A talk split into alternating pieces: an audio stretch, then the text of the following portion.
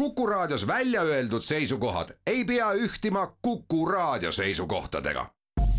Te kuulate Kuku Raadiot.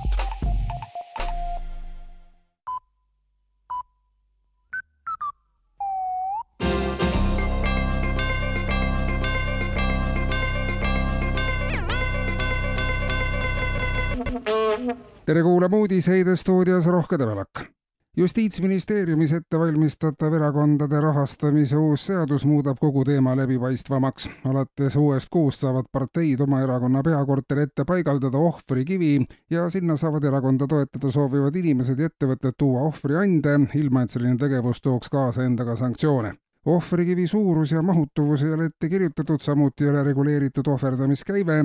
annetamise ja ohverdamise vahel on suur erinevus. ohverdamist ei saa seadusega keelata, kuna see on sihiteadlik ja vabatahtlik ebakindlale garantiile suunatud lootuste hellitamine kui inimene või ettevõte tahab annetada nii, et teda avalikult ei nähtaks, võivad erakonnad istutada ohvrikivi ümber ka põlishiie, mille varjus oleks võimalik ohverdada privaatselt selgemaks kui ohverdamisseaduse puhul ei olegi parteide rahastamist võimalik enam teha, teatab ministeerium.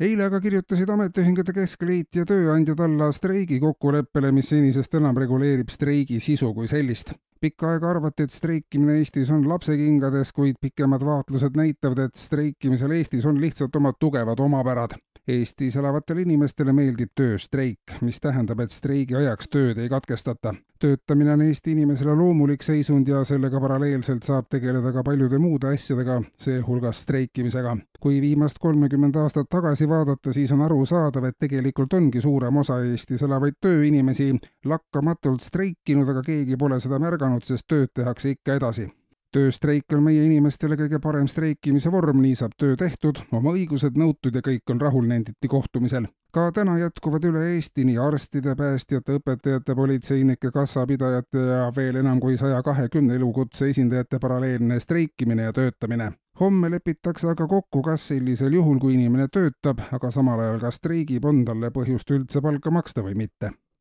Eesti-vastased ummistusrünnakud aga jätkuvad, märgivad vastavad ametkonnad ja rünnakute tõsidus on madalal kuni keskmisel tasemel.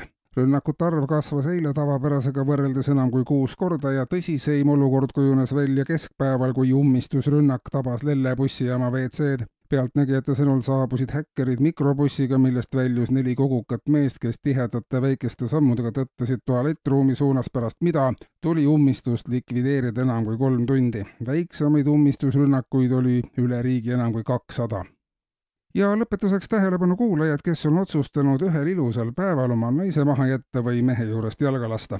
ilmajaam annab teada, et üle-üle-ülehomme tulebki Eestis valdavalt selge ja päikeseline väga ilus ilm rahulikumalt võivad olla ka Laimjala valla naised ja Käava kandi mehed, kus kehv ilm jääb püsima veel kaheks nädalaks.